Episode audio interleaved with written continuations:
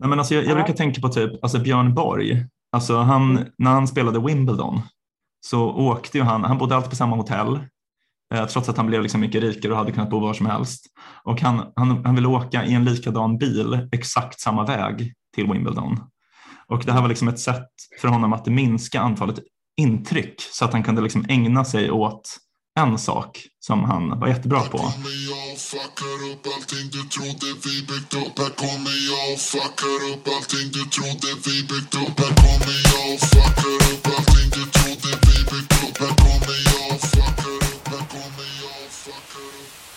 Hej och välkomna till ännu ett lysande avsnitt av podcasten Om och Men där vi reder ut det ni tycker är krångligt och krånglar till det ni eh, trodde var utrett.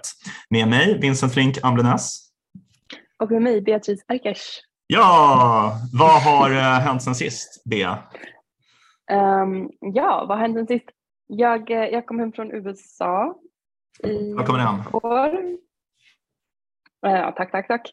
Mm. Ehm, det är väldigt mysigt att vara, vara hemma i Sverige. Jag älskar september och älskar så här, ehm, ja, men den här eh, höstkänslan, att det är lite frisk luft och sånt och att, Ja, att det inte är Snygga kläder. öknen. Sant, Ja, sant. det är det Mm. faktiskt. Snyggast, snyggast eh, kläd, kläderna på året. Det var, ja, nej, så jag hoppas folk är taggade på hösten. Jag vet att vissa är generellt sett eh, inte taggade på höst, men det är jag. Det var, jag, eh, det var kul, jag eh, pratade med min, med min nya kompis som jag träffade på, på Burning Man, Mm. som är från eh, Colombia, som berättade. Okej. Och, och han, ehm, de har inga årstider där han växte upp. Mm. Um, som berättade så här när han hade flyttat till Berkeley för att plugga Mm. så hade han fått en chock när eh, alla träden hade börjat tappa löven. Ah. Oh my god, det är någon pest. Bara? Trädpesten kommer! ja, han blev så här jätteupprörd och så här gått och liksom eh, ja, men, sagt till sina, sina vänner liksom, bara, men, vad händer? Vi måste ju göra någonting. Eh, och de bara, ja, men det, det är höst. Men då har han levt under en sten? Han måste ju ha sett på tv liksom att det, alltså han måste ju ha konsumerat amerikansk kultur innan. Ja, men, men det kanske inte är så prominent liksom höst där. Nej, Eller, alltså, ja, det, det, det, det är för sig sant. Ja, sjukt. Och det, det är ju också om man, alltså, när man tittar på träd under liksom höst och vinter när de verkligen har tappat alla löven. Mm. De ser, det ser inte ut som att de kommer komma tillbaka löven. Det ser verkligen Nej. hopplöst ut. De ser jävligt döda ut faktiskt. ja, Um, alltså Ja, jag, nej, jag, så- jag hatar hösten. Jag tycker det är tråkigt. Jag tycker sommaren är Mm. the shit alltså. Um, alltså, jag, tycker det, jag tycker det är kul med årstider överlag. Så, så här, när sommaren kommer är det jätteroligt. När hösten kommer är det jätteroligt. När vintern kommer det jätteroligt. nej, jag, jag önskar att allt var sommar. Jag, jag skulle kunna tänka mig att trada med din colombianska vän. Mm. Nej men det, det här blir jättekul Vincent. Det, Mm. Man ska ha också så här, jag brukar ha middagar för att fira in årstiderna. Nu ska jag ha höstmiddag. Jag får Ja, komma på höstmiddag. Så käkar man så här, Ah. typ, ja men höst, då käkar man typ svamp eller buffon. ja. Äppelpaj. Ja, Okej, ja, men det, det ser jag i och för sig fram emot. Då, då är ändå någonting bra med hösten. Då. Bea bjöd på Mm. middag. Mm. Jag ska säga det, vi Ja. skulle, ha, vi skulle ha setts idag, men Bea har tyvärr blivit sjuk och eh, jag är livrädd för att bli förkyld. Så att, Ja. vi spelar in på Zoom istället. Ja, Eh, men det är också bra. det får gå. Det får gå. Mm. Mm. Vad, vad har du gjort sen senast? Ja, alltså, jag har liksom tagit ett boktips av dig, Bea. Um, I ett tidigare avsnitt, um, avsnitt 11 om existentiellt hopp, så tipsade du mig om att uh, läsa om Harry Potter. Mm. Um, så jag har börjat uh, göra det. Jag har lyssnat på en inläsning som du också tipsade mig om av Stephen Fry, den kände brittiska mm, public intellectual uh, skådisen. Eh, och alltså grejen är så här, han är, han är nästan manisk i de här inlösningarna. Alltså, han har sån galen energinivå. Alltså han gör liksom röster så här, alltså som är så tokiga. Han, han gör sån här Dumbledore som är så här Yes, and for teaching us the meaning of love I award Gryffindor one miljard points. Alltså det, var, det är så här, och så att jag liksom, varje gång jag börjar lyssna så bara nej jag orkar inte med det här, för fan, alltså det är för mycket. Jag blir liksom överrumplad av hans galna maniska energi. Men sen när jag liksom hängt, Men hängt med i typ vilken- 5-10 minuter, då är det bra. Så att jag, liksom, Ja. jag har lyssnat igenom två böcker nu. Va? Det är faktiskt Jag eh, att- svinbra. Jag tycker att det är helt otroligt bra. Håller med om att han går lite för långt. avundsjuk. Avundsjuk på Stephen Fry. Nej. Ja. Ja, jag vet inte. Alltså, jag- men jag, ska, jag tänkte att jag ska lyssna på alla böcker och sen när jag har gjort det så kanske vi kan ha ett avsnitt om Harry Potter. Skulle inte det vara jävligt kul? Ja, jag har verkligen tänkt det också. Att det måste vi ha. eh, Ett Ja. Harry Potter-avsnitt. Ja. Men jag är avundsjuk på Stephen Fry, inte du det? Jag tycker han verkar helt otrolig. Ehm, ja, Jag tycker om alltså, honom. Jag, jag vet inte riktigt. Jag blir inte Har- riktigt avundsjuk på sådana saker. Alltså, liksom, Men har du sett honom i så här debatter och sånt? Alltså jag har ju sett honom i typ, eh, han är en, en framträdande humanist, alltså i bemärkelsen anti-religion. Så jag har sett sådana debatter typ, men eh, jag tycker liksom den här new atheist-rörelsen är ganska tröttsam och jag tycker typ de har ganska så här, dumma argument. Liksom. Men, eh, Ja men det håller jag med om, men det tycker inte jag är så intressant heller. Men jag såg honom till exempel i, ja men överlag så har han bara ofta alltid så bra, intressanta saker att säga. Sen var det en debatt som var väldigt rolig att se där han var med, um, som var med så här Jordan Peterson och Stephen Okej. Fry och um, två andra personer. Och det var så här, Jordan Peterson och Stephen Fry var på samma lag.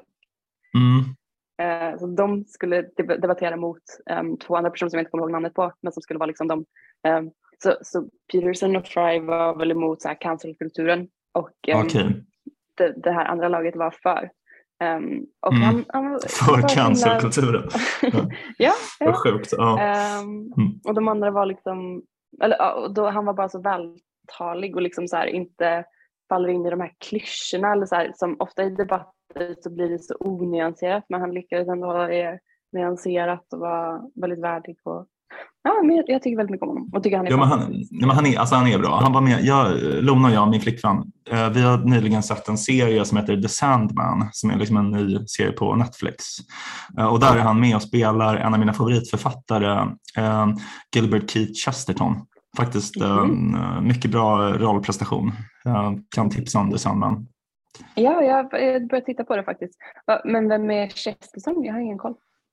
Han var liksom i början på 1900-talet en, eh, en väldigt känd brittisk journalist och eh, författare. Um, Han är kanske numera mest känd för att han har skrivit eh, en deck- deckare som heter Father Brown. Um, med liksom en, ja, men det är lite som en, typ, en annan version av Sherlock Holmes, väldigt likt Sherlock, Holmes. Ja. Ja, precis. Den finns väl också som tv-serie nu. Och på tal om Harry Potter så spelas huvudrollen av han som spelar Arthur Weasley i serien. Ja, pappan, pappa Weasley. Mm. Mm, Okej. precis. Eh, ja, jag har inte sett det, men min mamma kollar på det. Hon är en, eh, stor deckar, deckarkonsument. Mm. Men uh, okej, Ja, ja, nej, men jag tycker han är jättebra. Mm. Men, ja, men så du har eh, lyssnat på Harry Potter? ja, precis. Jag brukar göra det på väg till jobbet och det, men det är nice. Jag ska definitivt lyssna färdigt på serien. Nice. Men nog om det. Till dagens Ja. ämne. Ja, precis. Eh, vi ska prata känslor idag. Ja, Ehm, exakt. det, det är alltid svårt att prata om känslor. Mm. Men ehm, vi, vi har lyssnat på eller läst um, Siri Helles bok Känslofällan. Um, och Siri Helle tror jag vi nämnt i något tidigare avsnitt att uh, um, ska väl vara transparenta med att vi känner henne. Mm. Eh, men jag tycker ändå att det är en väldigt, väldigt bra bok som kom ut uh, tidigare i år. Um, och um, den handlar just om så här, um, ja men den heter Känslofällan och undertiteln är så här, ta makten över dina känslor, tankar och ditt beteende. Vilket ju, det är väldigt så här, lite typisk uh, självhjälpsbok kanske, titeln. Um, men, men den är väldigt bra. Jag, um, jag läste den när den kom ut och liksom blev uh, väldigt uh, tyckte verkligen det var typ den bästa självhjälpsboken jag läst på ja, väldigt, väldigt länge i alla fall. Uh, som, um, för den är så himla um, konkret bara. Det är väldigt tydliga tips över hur Mm. man kan hantera sina känslor. Den handlar just om så här, eh, känslofällan då, som är det här när man, eh, ja men många beteenden som man ägnar sig åt när man agerar på det som känns skönt i stunden istället för att liksom göra det som kanske är bäst på sikt. Så typ att man skjuter upp saker och prokrastinerar eller så här, um, låter um, liksom oro ta väldigt stor plats och påverka ens beteende eller uh, andra sådana dåliga vanor. Och då menar man att, att det, så det är känslofällan liksom. Uh, men att, uh, att man kan undvika att hamna i känslofällan om man eh, ehm, använder sig av det som eh, man kallar för beteendeprincipen. Mm. Eh, så det är med grunden i så här KBT-terapi då, att man eh, försöker ändra hur man eh, agerar först och att det då sen påverkar tankarna och känslorna. Annars så brukar ju den vanliga ordningen brukar vara att man tänker att åh, jag känner eh, att jag eh, att man, man agerar utifrån känslorna först men här så ska man agera utifrån hur, ja, det man eh, Mm. eh, Utifrån in. och, och strunta i känslorna helt enkelt um, ett litet tag. Och, eh, och då eh, så följer känslorna senare är lite tanken.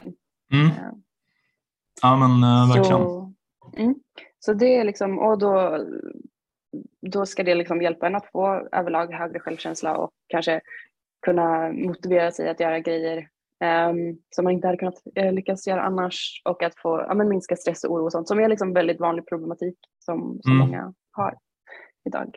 Eh, men vad tyckte du om boken? Ehm, Jag tyckte att den var jättespännande. Alltså jag har lyssnat på den eh, på Storytel men också läst lite i eh, en fysisk utgåva. Vi var ju på ett, en releasefest av den här boken. Eller vänta, du kanske inte var med förresten? Nej, jag var inte med. Nej, det var inte med, okej. Men alltså grejen är att Siri är ju liksom vår kompis. Um, alltså jag, ehm, alltså nu, vi var ju åt middag med henne för inte så länge sedan och jag kände typ lite att jag lärde känna henne då. Eh, Mm. Men vi har ju pratat innan så här, men på den här releasefesten ehm, så eh, köpte jag hennes bok och jag bad henne signera den. Och eh, då frågade hon mig vad jag hette. så, att, så att jag kände typ, okay, att jag kanske trodde att vi var bättre vänner än vad vi var. Men, men alltså det var helt rimligt för grejen är att vi hade typ pratat en gång fyra år tidigare. Det är bara typ så hon är liksom lite en offentlig person. Så att jag har typ sett henne så många gånger sedan dess så att jag liksom tänkt att vi är vänner. Men det är ju liksom en envägskommunikation. Så att det är ju helt rimligt att um, vi inte var det ja, då. Men, men hur som helst, väldigt bra bok tycker jag. Alltså en sak som jag tyckte om är att den är liksom väldigt roligt skriven. Att hon liksom berättar mycket om så här, sitt eget liv, typ hur det var när hon skulle hålla ett TED-talk och typ så här, illustrerar såna här psykologiska problem med liksom, sitt eget liv. Mm. Ehm, det, det tyckte jag Mm. om, verkligen. Ja, jag håller med. Jag håller med. Ja, men så, så då är det det här, det utgår ju jättemycket från beteendeprincipen. Så hon tar ju upp exempel där hon har liksom försökt agera utifrån beteendeprincipen. Och det är när man agerar i linje med känslan man vill uppnå istället för den känslan man har just nu. Um, Ja, och, då, och då pratar väl hon om den här, så här psykologiska triangeln som är så här, eh, att man har så här, känslor, tankar och beteenden. Mm, Och då kan man ju kanske så här förhoppningsvis tänka sig till vad man vill eh, på sikt att utkomsten ska bli och agera utifrån dem. Eh, att man formar beteenden utifrån, utifrån de tankarna snarare än utifrån känslorna som ofta är. ja. Exakt. Och, och liksom typ, för att, eh, det man skulle kunna tänka sig är typ så här, att man ska inte göra någonting förrän man får den rätta känslan att man vill göra det.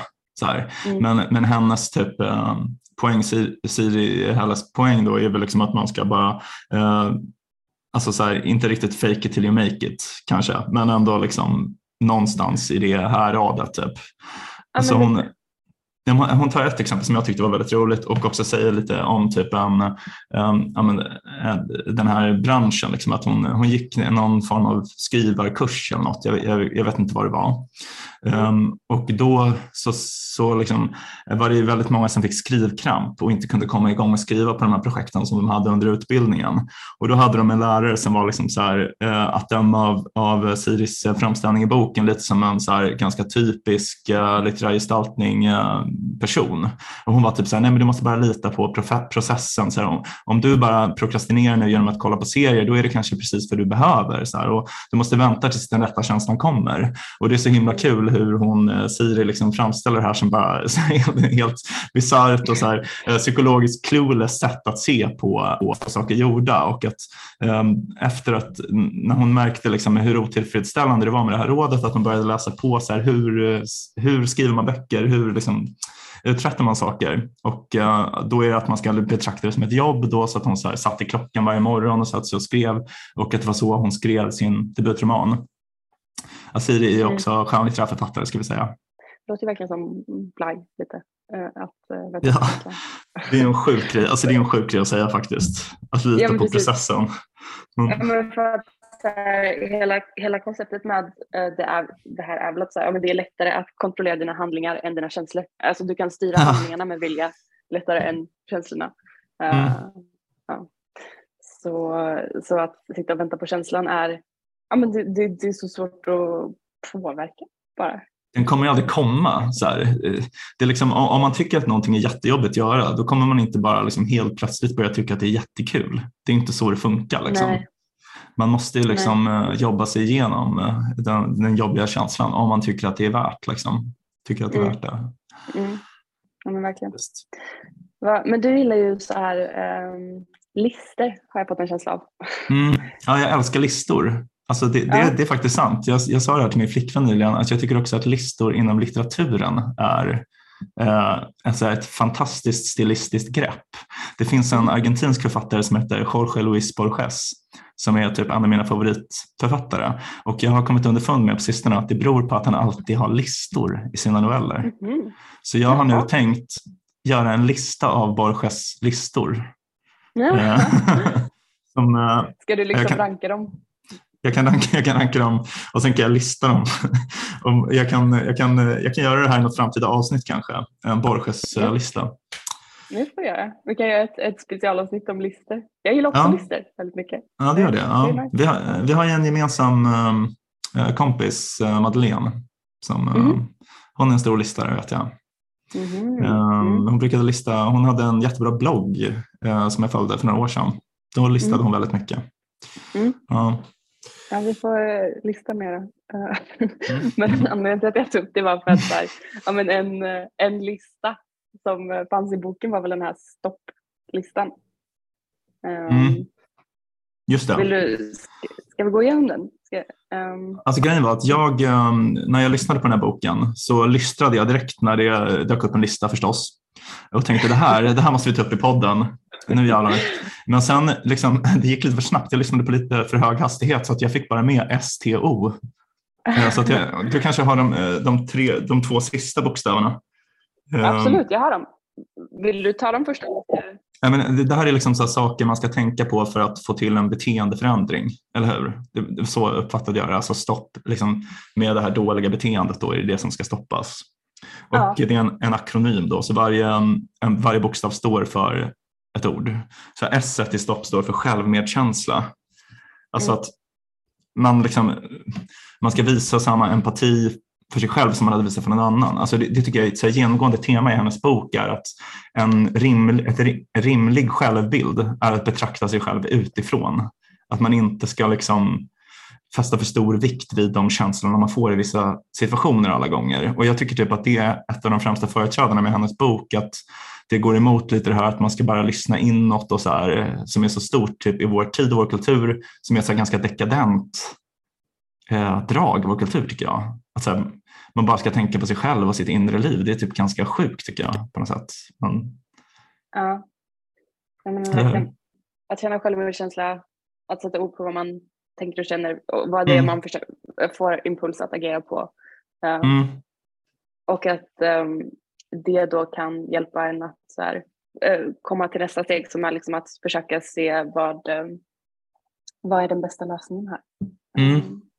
Exakt. För, för nästa då, jag, jag, jag snor tet från dig. Eh, Gör det. Så då är det tänk efter som är nästa. Så efter att man har visat sig självmedkänsla så ska Mm. man börja tänka typ och då ehm, vad är det som är problemet och vad är den bästa lösningen?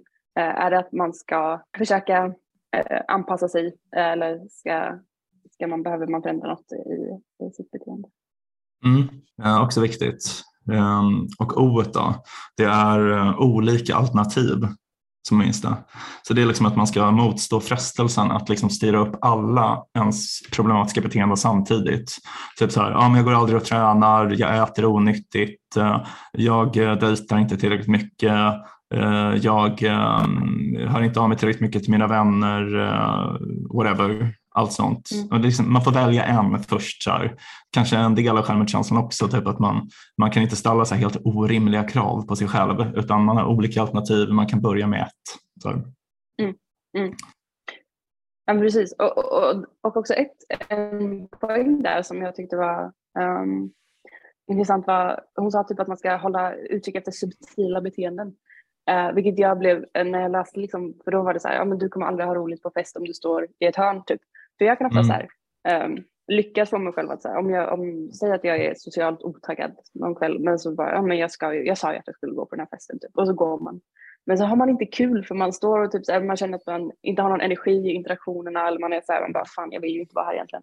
Mm. Ehm, så det där när man, ehm, att man måste, och då, ja, då blir det ju inte kul. Så då, det, det är så här, då måste man eh, verkligen pusha sig själv in i det där också. Att man Verkligen. faktiskt ehm, ja, eh, ja, men komma över det där beteendet också. Ja. Eh, ja, men som du säger, en sak i taget och sätta ribban lagom högt och sådär. Men ska jag säga de två pena då? ja, kör P, PP. PP är eh, nästa steg är bara att prova. Okej. Det är det första P. Um, så ja, prova det, det alternativet du har valt att så här, agera på. Ja, och sen det så låter det rimligt. sista P. Uh, ja, sista, sista P var prata med någon. Ah, utvärdera tillsammans med en vän typ eller, eller vadå? Ja, jag tror det. Jag, jag har bara skrivit prata med någon. så, men det måste, men det, det måste det vara. Um, Det låter rimligt och liksom, eh, man får ju lite mer distans till, till det kanske om man diskuterar med någon annan och inte bara typ ältar och så här, gick det där bra? Eller det kanske är något sånt hon menar typ. Jag, jag minns inte det här. Mm. Ja, men det måste ju överlag vara bra liksom, så att eh, processa eh, genom att prata högt om något. Att det hjälper en att få syn på olika saker själv samtidigt som man kanske kan få lite goda råd. Um, Mm. Det är väl alltid, alltid bra att prata med någon. Tycker jag. Mm. Um, ja, men så det, det är det som stopp står för. Nej men bra förkortning. Av, av det. Ja, ja, kan, alltså kanske. Ehm, jag vet inte riktigt. Eh, jag, kände, jag, är inte så bra på det här med beteendeförändringar. Alltså jag, jag har typ aldrig riktigt lyckats med någon. liksom, jag är alltid så här, ehm, jag ty- tycker väldigt mycket om vanor liksom, Mm. och liksom köra på eh, i gamla hjulspår på något sätt. Jag är väldigt mycket för det. Jag älskar att typ se om filmer och sånt också. Och liksom, eh, inte, inte så mycket för... kebabsallad. Eh, Alltså till exempel min favoritrestaurang Le Kebab på Upplandsgatan. Jag äter där en till två gånger i veckan. Alltså så här, alltså, jag tycker inte så mycket om ny, nya grejer. Liksom. Du beställer exakt samma sak också. Ja, ja, jag beställer alltid exakt samma sak. Men, men grejen är typ att jag, alltså så här, eh, jag tycker inte att det är jobbigt heller. Det är ju inte riktigt en känslofälla. Um, alltså, Nej. för det, det, det det, Siri beskriver, hennes bok heter ju Känslofällan som är liksom att man, man lever på ett sätt som man inte vill leva. Så att man så inser Mm. tankemässigt att jag vill inte leva på det här sättet men man blir liksom på något sätt sina känslors rov. Att man får jobbiga känslor varje gång man försöker förändra li- sitt liv. Så, Ja, verkligen. Men, men det som är trade-offen i, i, din, i ditt sätt är ju explore, exploit-grejen. Alltså Ja. det, det är två motsättningar som är så här, explore, ska jag utforska vidare alternativ? Typ ska jag prova att beställa någonting annat på Lucky Bob? Eh, eller ska jag bara exploit när jag vet, det här vet jag är ett säkert kort. Men det Mm. andra explore-alternativet hade kunnat vara bättre potentiellt men det kan också vara sämre så det är så här, lite av en risk. Jag har ju en, eh, ett tics att jag typ alltid måste explora. Eh, Ja. Jag kan inte vilket det, det kan bli ganska negativt för jag Alltså så här, jättefånigt men basic exempel är typ så här. Jag kan typ inte äta samma glass två gånger i rad. Alltså så här, om jag köper glass och man säger åh nej det är, ett nytt, det är en, en ny smak. Då måste jag prova den nya smaken. Jag kan inte välja eh, ett alternativ som jag tycker är asgott om det finns något nytt. Jag måste liksom prova det nya hela tiden och det blir så här. Ibland är det ju asäckligt. Ja, Okej, nej, men då, då är vi verkligen olika. Eh, jag, jag vill alltid ha vanilj. Um, det är alltid godast. Liksom. jag, förstår inte, jag förstår inte varför jag skulle välja någonting annat. Jag skulle bara bli besviken och känna mig hasslad typ. Om jag skulle välja mer smör eller whatever. Alltså det är liksom... Men det var typ, typ som nu när jag var i USA så var jag, så här, jag var tvungen att välja de konstigaste smakerna. Jag var på någon glassställe så var det så här, något, en glassmak som var typ så här um, äppelkola sorbet. Man bara, Oj. gud vad är det här typ? Och den andra var typ så här, potato chips and brownie eh, fy fan vad vidrigt. Gud, det är lite Bertie Botts-varning på de här smakerna. ja, jo. Mm. Eh, ja, nej, så det, och det var ju inte alltså. Men, men vanilj är väl ändå lite väl. Det är ju godast. Eller alltså, en, en, alltså choklad. Choklad kan vara gott ibland. Framförallt alltså, den här mörk chokladsorbet. Det är alldeles gott. Kan jag tipsa om. Ja. Mm. Nej, men alltså, jag, jag Ja. brukar tänka på typ alltså Björn Borg. Alltså, han. När han spelade Wimbledon så åkte ju han, han bodde alltid på samma hotell eh, trots att han blev liksom mycket rikare och hade kunnat bo var som helst. Och han, han, han ville åka i en likadan bil exakt samma väg till Wimbledon. Och det här var liksom ett sätt för honom att minska antalet intryck så att han kunde liksom ägna sig åt en sak som han var jättebra på. Och jag tror liksom att det är på ett ungefär liknande sätt jag tänker med den skillnaden att jag liksom inte har någonting som jag måste prestera så här jättemycket i men att det är, typ, det är en liten ansträngning med varje nytt intryck. Så att det är så här, man måste mi- minimera dem liksom så att man kan ägna sig åt det man tycker är viktigt. Liksom. Ja, nej, men jag håller med och jag tror att, här, att jag blir ganska utmattad av att jag alltid måste prova nya saker. Ja. Ehm, typ nu, alltså hela Burning Man-grejen, det, det var, allt det var ju helt, det var så mycket nya. Alltså, jag, jag är ju en vecka efter det är jag ju fortfarande ganska uppfackad. Typ, Ja, jag. jag är ju inte- Förkyld har du blivit också. in Ja. det verkar ju ha varit väldigt roligt i och men, för sig. men, ja, men det är lite som, ja men det var det.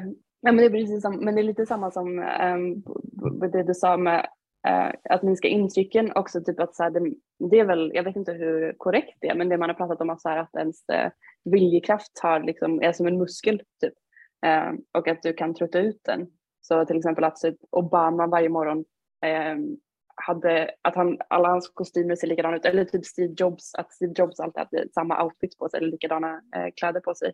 För att han inte ville så här, lägga eh, tankekraft på att eh, vad ska han ha på sig Mm. eh, varje morgon. För att det skulle ta från att eh, fatta andra viktiga beslut. Som Obama har lite viktigare beslut att fatta än vad han ska på sig för kostym. Och då så, eh, enligt den här teorin så skulle hans beslutsfattningsförmåga bli tröttas av under dagen om han också var tvungen att välja vad han skulle ha på sig på morgonen.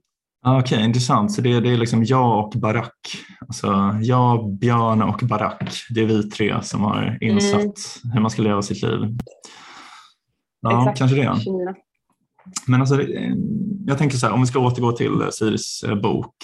Eh, Mm. Hon är ju psykolog eh, eh, och jag är ju läkare då, så vi är kanske på ett, på ett sätt liksom lite kollegor i bred bemärkelse. Och hon går igenom lite så här neuroanatomi, alltså typ hur hjärnan är uppbyggd för att förklara liksom hur, vad det är som ger upphov till vårt beteende. Och då är liksom så en väldigt enkel förenklad förklaring är liksom då att vi har det limbiska systemet, den inre delen av hjärnan som liksom är lite vårt driftcentrum, alltså våra känslor och sådär. Mm. Um, alltså det här är en grov förenkling, men um, alltså det som liksom styr rädsla och liksom sådär. Ja. Uh, och sen finns det då uh, frontalloben, framförallt prefrontala cortex som är liksom den främre delen av frontalloben längst fram.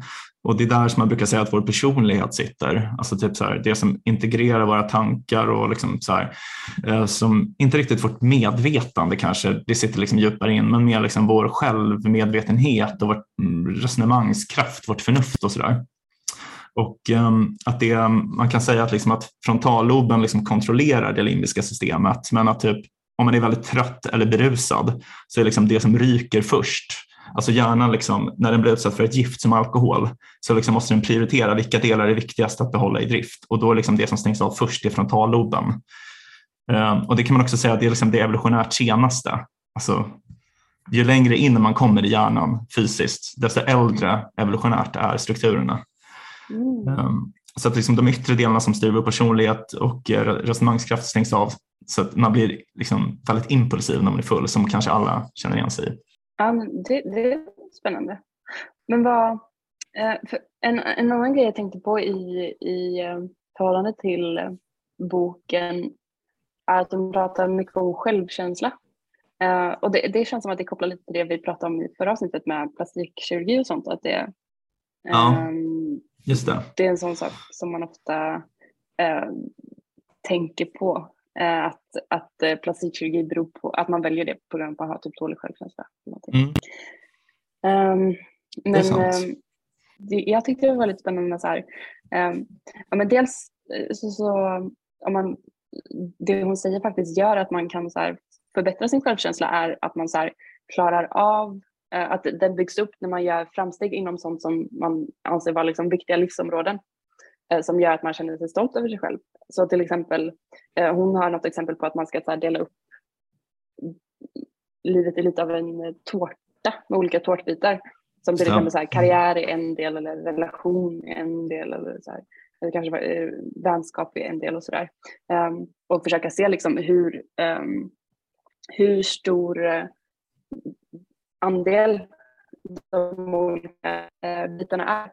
Och att så här, just när man har en självkänsla som eh, om, om man har en självkänsla som kanske beror väldigt mycket på en, en viss specifik del, typ kanske så här, karriären, då Mm. kan det bli så här väldigt berg och dalbana typ om det är eh, att det, ja, det går bra, då är det kanske jättehög. Om det går dåligt så är den kanske, eh, då kan den verkligen krascha. Så det kan vara bra att sprida ut den här eh, fördelningen Ja. lite och försöka Man ska få- risksprida liksom. Exakt, exakt. Ja.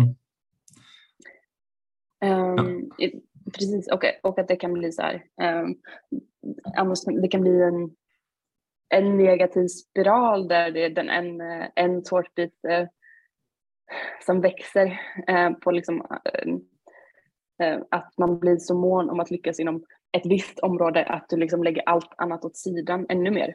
Och att det då, ja, Mm. det blir... Det är verkligen sant. Alltså det kopplar ju verkligen till det här vi sa innan, alltså vi pratade om förra veckans avsnitt med skönhet, att det, det är många kvinnor som typ, de lägger hela sin självkänsla på sitt utseende och sen blir de äldre och typ eh, eh, inte lika snygga längre och bara deras liv kraschar typ. Eh, för att de har liksom alltid varit så här jättemåna om att typ träna extremt mycket och aldrig typ äta någonting onyttigt och varit liksom så här stäng, stängda och liksom jättemåna om det så att de är så här jättesvåra att bli kompisar med för att de är så oerhört liksom, ja, men rigida i sitt liv typ och det finns liksom ingen öppning för andra människor och sådär. Så Mm. det, det är ju verkligen en fara. Sådär. Ja, och- för, för ehm, det säger hon faktiskt också i boken, att, så här, att ett tecken på låg, eller, ja, på låg självkänsla är att man jagar ytlig bekräftelse, alltså så här, snabba kickar typ. Mm, Eh, och det är ju inte fel i sig, men att det ofta blir så här kortvarig effekt.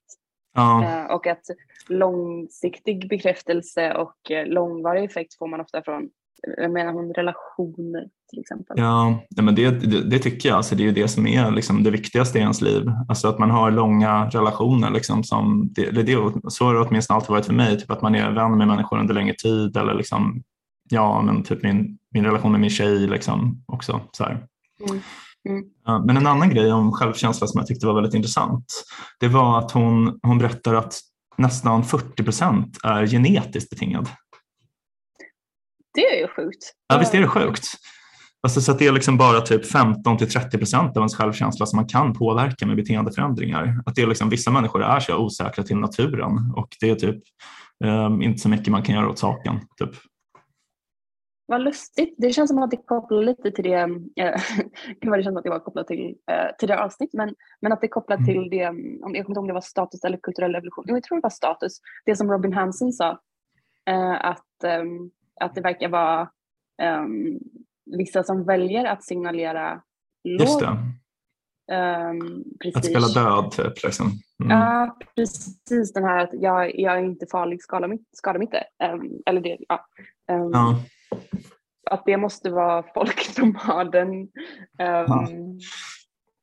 Exakt. den, Den osäkra genen, liksom. Sa någonting mer om, ja, sa, sa, Ehm. kommer du ihåg något mer? Eller var, varför var det så? Ja, nej, alltså, hon pratade ju liksom om det här som du säger med liksom att man ska balansera tårtbitarna och att man ska liksom eh, sprida riskerna. eh, Och i samband med, med det när hon pratade om självkänsla så, så tog hon upp det att jag, eh, alltså jag, jag kanske minns fel, men jag har faktiskt för mig att det var 40 procent som var genetiskt.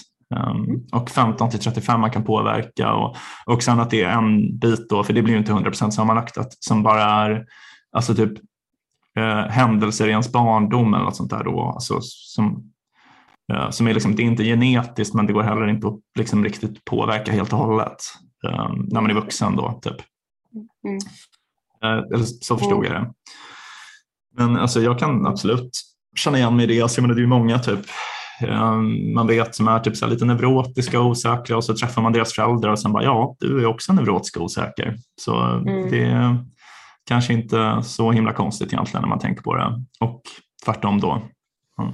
Mm, precis, ja, och, och, och det där som du sa med också att det finns saker i ens barndom som man inte kan påverka. Det tänker jag ofta på när jag eh, har kompisar som jag till exempel uppfattar som ganska ätstörda. Um, att det ofta märks att ja, men just det, att din mamma har typ på, påpekat saker om din vikt sen du var barn märker man sen, alltså när man träffar um, föräldrarna. Mm. Sådär. Ja, ja. Och det, det är svårt att det är svårt att skaka av sig, eller det skulle kräva mycket arbete som man kanske Ja. inte har. Um, Nej, verkligen sant. kanske inte, inte skulle gå ändå. Har du, har du någonting som så här, om jag, eh, som du skulle göra om du hade bättre självkänsla, typ, som du inte gör just nu? Um, självkänsla, alltså jag vet inte riktigt. Ehm, nej, alltså jag tycker att jag har väldigt bra självkänsla. Alltså jag är Mm. liksom, eh, jag känner mig typ, eh, alltså att jag tycker mycket om mig själv. Jag har inte så mycket självhat liksom och känner typ att jag har liksom lätt att bara eh, göra det som jag känner för och typ eh, så. Så det är in- inte direkt, alltså det är typ så här, vissa grejer som jag typ är väldigt osäker inför och tycker är jobbigt. Typ till exempel, jag- vet att vi har pratat om att jag tycker det är ganska jobbigt att hålla tal. Mm. Eh, Så det är typ någonting som jag skulle vilja göra, men jag tror inte riktigt att det beror på att jag har dålig självkänsla att jag tycker det är jobbigt. Utan mer bara typ att jag har gjort det extremt lite. Och jag känner typ att det, ehm, ja, men det är så här, du vet, man ska hålla tal, folk har förväntningar och jag vill inte att det ska gå fel. Typ. Så det är väl någonting som jag skulle vilja öva på. Typ. Ja men precis, men det tror jag också det vi landar i med det där, eh, vilket jag kan förstå för jag känner inte så, jag kan, jag kan hålla tal eh, och jag, eh, eller Det är alltså, jättebra inget- för jag, dig. tyck- jag tycker inte det är jobbigt alls. Men jag tror att det är för att jag tror att folk har noll förväntningar på mig. Med att de, dels förväntar de sig inte att jag ska hålla tal för jag tror jag fram, ja, men du, jag tror att du framstår som en så här lustig typ och att det Mm. känns som att de kanske har höga förväntningar på ditt tal medan jag tror, ja, jag tror jag har ganska noll förväntningar. Och det, för det förstår jag att om man så här har, ja, det hade jag också tyckt var jobbigare om folk hade haft högre förväntningar på mig. Ja, alltså för jag var alltid typ, när jag var liten var jag alltid så här klassens clown. Typ. Eh, Och jag Precis. kommer ihåg typ att jag tyckte det var skitjobbigt när man hade varit med några och liksom, eh, men varit en pajas och alla hade garvat typ. och sen träffade man dem igen och de hade den där liksom, utseendet så här, ja, säg något kul, säg något roligt. Liksom. Så Och man kanske var trött typ och så här, bara, nej fan jag, jag har ingen jävla skämt att dra nu liksom. Och de ser så här, liksom, skrattar, liksom, dreglar i väntan på skratt. Eh, Men, Men ja, Det där har jag upplevt, jag har upplevt motsatsen. När jag tycker att jag är rolig. Alltså jag, Ja. jag tycker att jag, jag är rolig. ja, ja, det är klart. Ja. men, men när folk inte har den förväntningen på en. Jag kommer ihåg verkligen det konkret med så här, att eh, det var när jag gick på högstadiet så sa jag ett skämt ut i klassen, typ. det var någonting som hände på biologilektionen eller någonting. Jag Mm. kommer inte ihåg vad skämtet var, men jag kommer ihåg att jag sa det. Och att typ så här, jag fick inga skratt. Och sen kommer jag Mm. ihåg att klassens clown sa exakt samma skämt du vet, 30 Oj. sekunder senare. Ja, Och då fick de skratt och jag bara, men hallå! fy fan vad jag sjukt. det här. Men just att det är så här förväntningarna på olika människor. Ehm, ja, att så här, Ja. att eh, man reagerar olika utifrån vad man har förväntningar på, på människor. Men gud vilken jävla härskarteknik av den här clownen. Han är ju en jävla ondskefull clown. Ja, eh, nej men jag tror, nej men ja, ja nej, de kanske inte ens hörde mig. Men det, mm, Ja, Ja. jag beklagar ditt trauma. det är trauma, trauma. Ja. Va? Men, men en, en fråga som jag tycker lite vore spännande att bara höra dina tankar om, för jag vet inte Mm. själv riktigt, men ehm, vad, eh, hur, hur tycker du man uppfattar om någon har en bra självkänsla eller inte? Liksom, vad, vad är det för, vad, vilka egenskaper skulle du säga att någon som har bra självkänsla har? Jag tycker typ att eh, integritet är liksom eh, väldigt eh, bra liksom, indikator på självkänsla. Mm. Alltså dels typ så människor som liksom alltid berättar så här, eh, djupt personliga saker, alltså så här, verkligen privata saker. Liksom. Det är ofta typ att man har dålig självkänsla tänker jag. Men kanske ännu mer att man har så här, integritet i sina beslut. Typ att man, eh, folk som alltid faller för grupptryck, liksom, då tänker jag att man har dålig självkänsla. Om man säger är så här, ja, men jag ska jobba imorgon så att jag, jag går ut och tar en öl, men sen varje gång slutar det med att de tar tio öl. Det, det, är klart, det kan ju vara att de har alkoholproblem, men kanske ännu oftare så är det liksom att de, har, de faller för grupptryck. Typ, så att de, om deras vänner säger något så, så här, ja, då gör de det. Typ, att de inte har någon egen vilja. Typ. Det, mm. det tänker jag verkligen visar att man inte har bra självkänsla. Jag håller med. Jag håller med. Och, och det känns som att, om jag kopplar tillbaka till plastik, just det som jag snackade om då, uh, nu för, uh, um, typ att jag hade större respekt för hon som uh, opererade sig för att se ut som som en superhjälte än de som bara opererar sig för att passa in i mallen. Typ. För då känns det mm. som att man faller för grupptryck versus att här, ha en egen idé och uh, en egen uh, vision typ, som man försöker uh, make, make real. Mm. Ja, men, rimligt. Det är, jag tycker det är coolt med sådana människor också som som liksom eh, litar på sig själva. Så det, alltså sådana människor är också ofta mycket mer sympatiska och bra personer mot andra. Alltså sådana personer som alltid faller för grupptryck och så här, de är ju sällan så väldigt generösa och så där i övrigt för att de är ju alltid ångest över sig själva hur de framstår. Folk som är liksom trygga i sig själva är ju ofta så här, eh, personer som man kanske bjuder på sig själv men man, man bryr sig om andra. Liksom, så där. Mm. Mm tycker jag. Ja, nej men, eh, bra bok. Alltså jag, jag, jag gillade verkligen den, den här boken. Jag känner liksom att jag eh, ska försöka implementera den på något sätt. Jag kanske får eh, ställa mig upp och hålla tal på din um, höstmiddag. Mm, det får du göra. Mm. Får Hade du tal på bröllopet du var på nyligen? Då? Uh, nej, men de, alltså, jag, hade, jag fick inte tillfälle. Det var liksom uh, bestämt vilka som skulle hålla tal innan. Mm. Så det var, det var ingenting som krävdes av mig lyckligtvis. Mm. Det var ju väldigt många gäster så det hade kanske inte varit ett jättebra första tal heller. Nej, dåligt övningstillfälle. Men mm. så du upplever inte att du har någon, äh, någon problematik eller var det något så här, särskilt som du äh, tänkte ja det här ska jag ta till mig? Um, ja, jag vet inte. Ja, nej men alltså det är kanske det här med att hålla tal. Jag vet inte vad man är så mycket rädd för annars. Typ. Uh, nej. Men för, hon tar ju upp andra sorters problematik. Typ jag kände igen mig väldigt mycket i men en vanlig äh, fallgrop för mig är att grubbla på saker. Ah. Um, och det är mm. någonting som så här, kan påverka mitt liv negativt för att jag hamnar i, eh, i grubbelloopar. Um, Just det. Ja. Och att det, att det är en känslofälla som liksom får en att må sämre för att, för att man liksom bara typ, tänker för mycket eller hakar upp sig på en grej som inte är konstruktiv. Och jag, ehm, eh, och då, jag har läst en del om det innan för att det är liksom en, eh, ja men som sagt det är ett eh, kaninhål jag kan trilla ner i, mm. är att grubbla över saker. Och jag läste någon så här bok som har världens tuntigaste titel som heter typ, Lev mer, tänk mindre.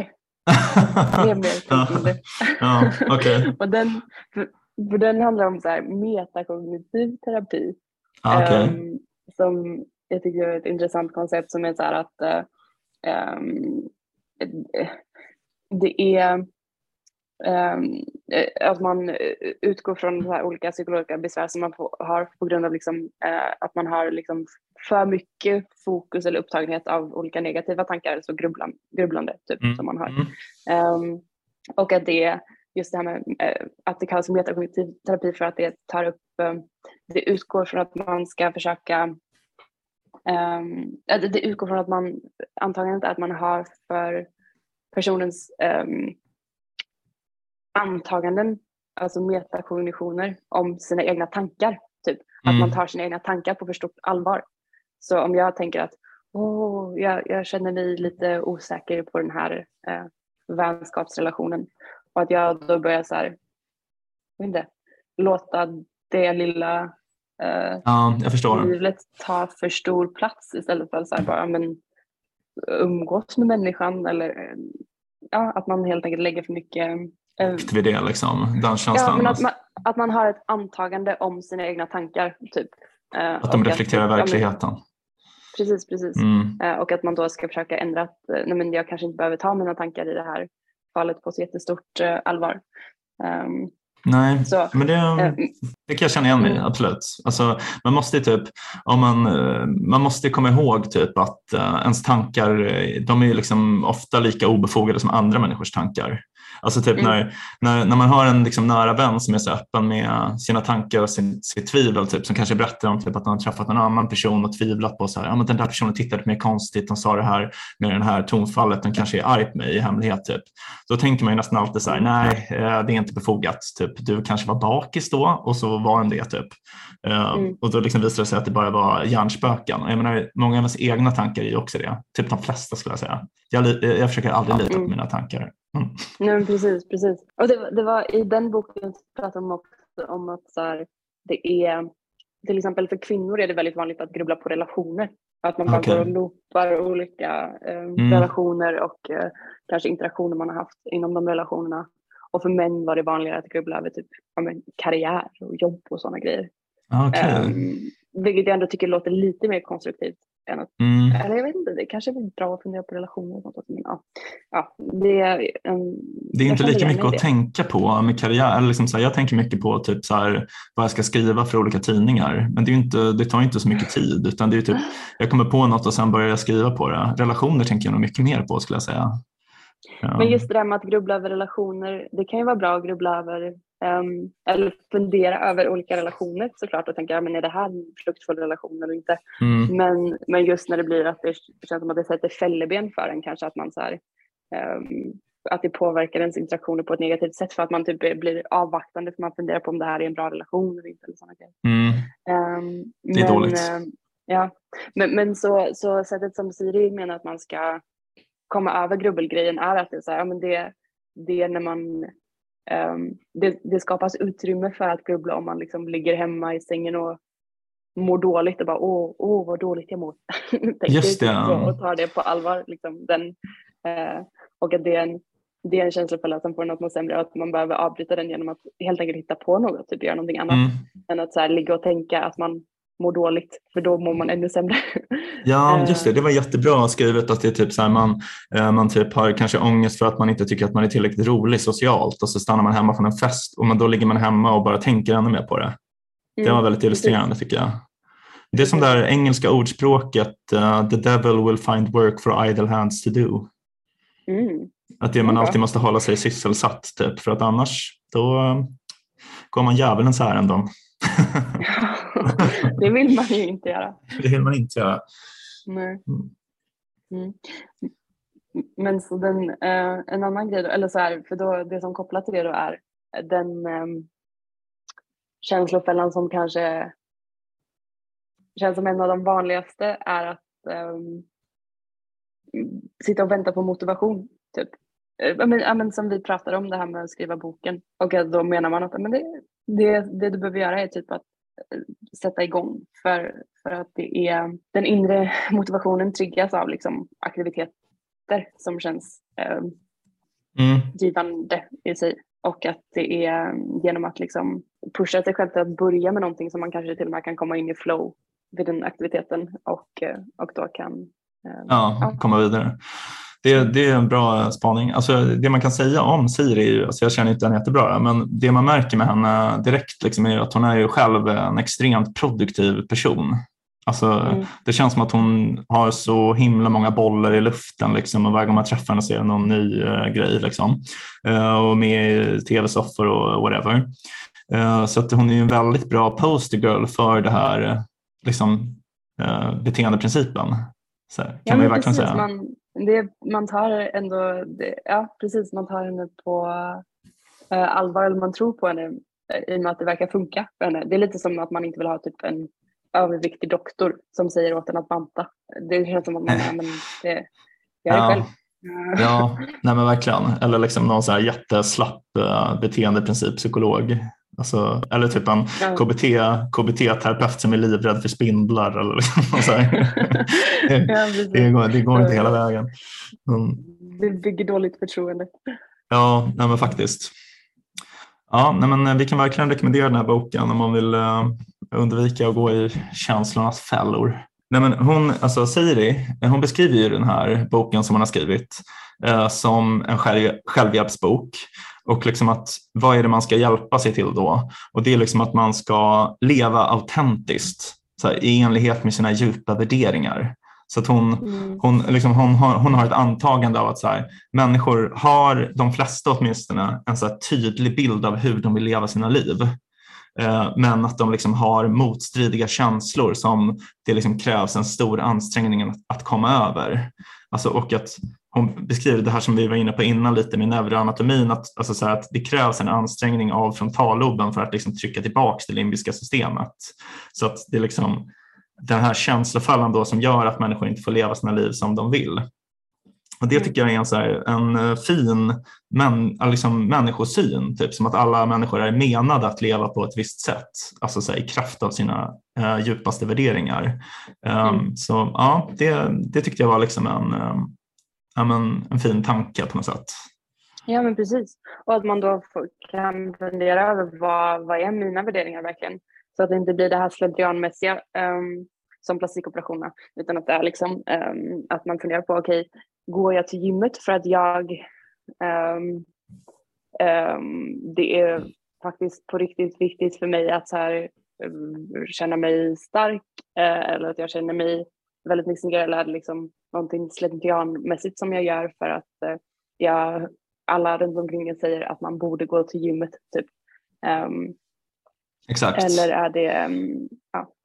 Man får omvärdera då- sig, hur viktigt är det liksom att bara bli lite smalare? Så här, finns det inte andra saker? Alltså hon, Siri tar ju också upp i boken till exempel vikten av att hjälpa andra, att det ofta är någonting som stärker ens självkänsla och liksom gör en mer nöjd med ens liv. Typ att ge till välgörenhet, att eh, vara en del av liksom, alltså, praktiskt arbete för välgörenhet. Det man kan säga också att eh, vi kan lägga upp en länk till vad man köper den här boken, att all, all royalty för boken går direkt till, till välgörande ändamål.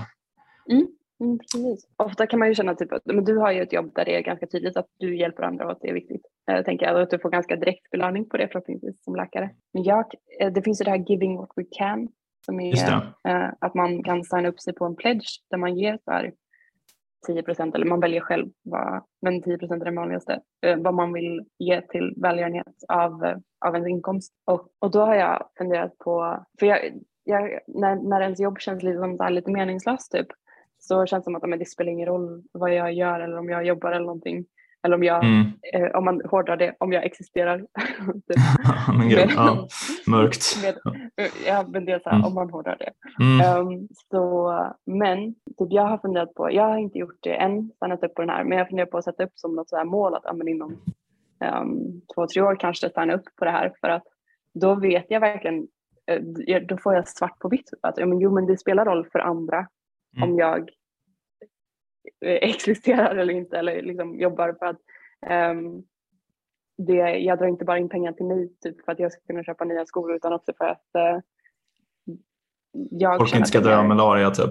Ja, precis. Ja, nej men det är sant. Det, ger- det ger nog ens liv liksom lite djupare mening. Alltså jag, jag ger pengar till effektiv välgörenhet men jag ger inte i närheten av 10 procent. Vi, vi kanske ska skriva under den här pledgen tillsammans någon gång. Ja, men det kan vi göra. Mm. Ja, men alltså jag ger ju också pengar men också inte i, i närheten av, eh, av det. Men jag tror absolut att jag hade kunnat leva, kunnat göra det eh, utan att det påverkar mitt liv på något nämnvärt sätt. Ja, Ehm, samma här. Alltså man, man, man får ju väldigt eh, liksom gott, eller så här, man blir väldigt glad av att ge. Alltså typ, jag jobbar extra för en välgörenhetsorganisation som ger vård åt papperslösa. Um, I början så jobbade jag väldigt mycket där, men nu jobbar jag kanske en gång i månaden ungefär. Och det är liksom, man, man mår ju bra i flera dagar efteråt. Typ. För man känner typ, Mm. ja nu gjorde jag det här gratis, jag tog min tid. Alltså så här, man känner sig så himla duktig. Liksom. Mm. alltså mer eller mindre förtjänt, men, men ändå. Ja. ja, det var ett äh, jäkla tjat om det på Burning Man kan jag säga. Där, där är det ju, ehm, ah, du du, det finns ju ingenting du kan köpa, man, har, man använder inte pengar på insidan. Liksom. ah, vad Eh, intressant. utan alla bara ger. Eh, så man, ja. Det enda du kan köpa på Burning Man är is. Det, annars är det liksom bara typ, ehm, ja, att folk ger saker. Så det, det är ingen som tjänar pengar på konsten som är där. Mhm. Eh, eller på liksom alla camps eller alla aktiviteter som de bjuder på. Jättemånga som typ bjuder på mat eller sådana grejer. Du borde skriva typ en rapport från Burning Man och publicera i någon tidning. Det är ju inte så många svenskar som åker dit. Det skulle vara jätteintressant att läsa. Sen kanske vi kan ha ett separat avsnitt om bara Burning Man. Ja, det är, det är sant. kanske vore kul. Ja. Det skulle vara jävligt coolt. Ja, ja. Nej, men så um, en, men då för att så här, försöka knyta ihop säcken. En grej som känns som att um, jag vill påpeka, som hon påpekar, är att det kan ta tid eller så att det kan finnas en viss fördröjning innan den här beteendeprincipen ger resultat. Så att man kanske inte bara ska förvänta sig, ja, jag gick på fest en gång lyckades jag få mig själv att gå på fest fast när jag var ledsen och ville stanna hemma, utan att det är någonting som man behöver liksom, um, ja, det kan ta lite tid och man behöver kanske uh, agera enligt den här beteendeprincipen mer än en gång. Uh, mm. Och att man, lite som vi var inne på innan, behöver göra det man ska göra helhjärtat. Så att det inte är ja. att ja, du går på festen men du står i ett hörn. Utan det är du går på festen och interagerar med andra människor. Uh, annars så kommer det ju vara att du står och känner dig som ett freak i hörnet på festen. Istället för att du ligger hemma i sängen och känner dig som ett freak. Ja. Um, Bra. Och att, här, mm. Mm, och att uh, det säger hon också så här. Uh, surprise, surprise, men man blir glad av att göra roliga saker. Typ. Mm. Så uh, om du tycker det är jättekul att köra bil, kör bil. Ja. det kan få positiva effekter på ett liv. Ja, exakt. Man måste våga möta livet med öppet ansikte. Jag kanske ska beställa pistageglass vid nästa tillfälle. Ja, du kan ju beställa en kula vanilj och en kula pistage. Ja, exakt. Ja, baby steps. Explore, exploit. Ja, ja. Eh, men hörni, eh, lyssnare, jag tycker att eh, ni ska läsa den här boken Känslofällan av Siri Helle. Vi kommer också i um, avsnittsbeskrivningen länka till en föreläsning med henne. Mycket intressant um, psykolog. Um, vi kan verkligen tipsa om henne som public intellectual. Det hade vi gjort även om vi inte var vänner med henne kan jag definitivt säga. Ja, men då så Bea. Eh, med de eh, orden så får vi tacka våra kära lyssnare för att de har lyssnat på ännu ett härligt avsnitt av podcasten Om och Men där vi reder ut det ni tycker är krångligt och krånglar till det ni trodde var utrett. Nästa vecka kommer vi prata om någonting eh, helt sjukt. Jag fuckar upp allting du trodde vi byggt upp. Här kommer jag och fuckar upp allting du trodde vi byggt upp. Här kommer jag och fuckar